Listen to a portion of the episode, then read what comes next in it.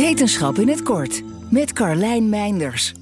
Als je in de grote stad woont, moet je vaak omgaan met een chaotischere manier van leven.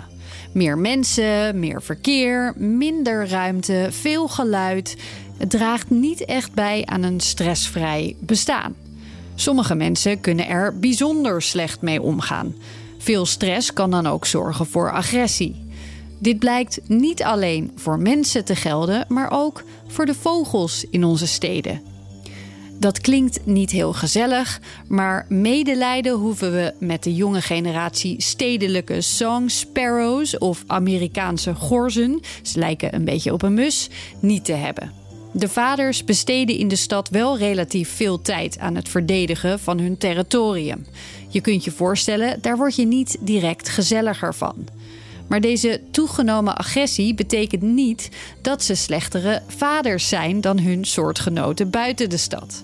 Ze lijken zelfs vaker het nest te bezoeken en zijn liefhebbender naar hun jongen toe dan op het platteland gebeurt.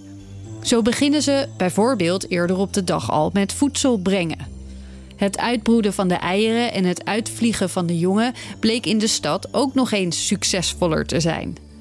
Het op sommige locaties ontbreken van vijanden die aan nestroof doen, speelde daarbij natuurlijk ook een rol.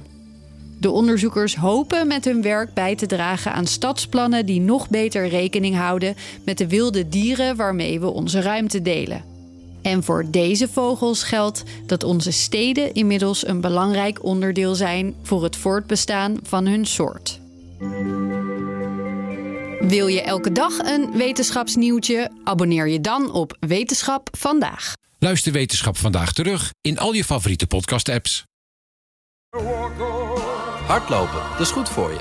En Nationale Nederlanden helpt je daar graag bij. Bijvoorbeeld met onze digitale NN Running Coach... die antwoord geeft op al je hardloopvragen. Dus, kom ook in beweging. Onze support heb je. Kijk op nn.nl slash hardlopen.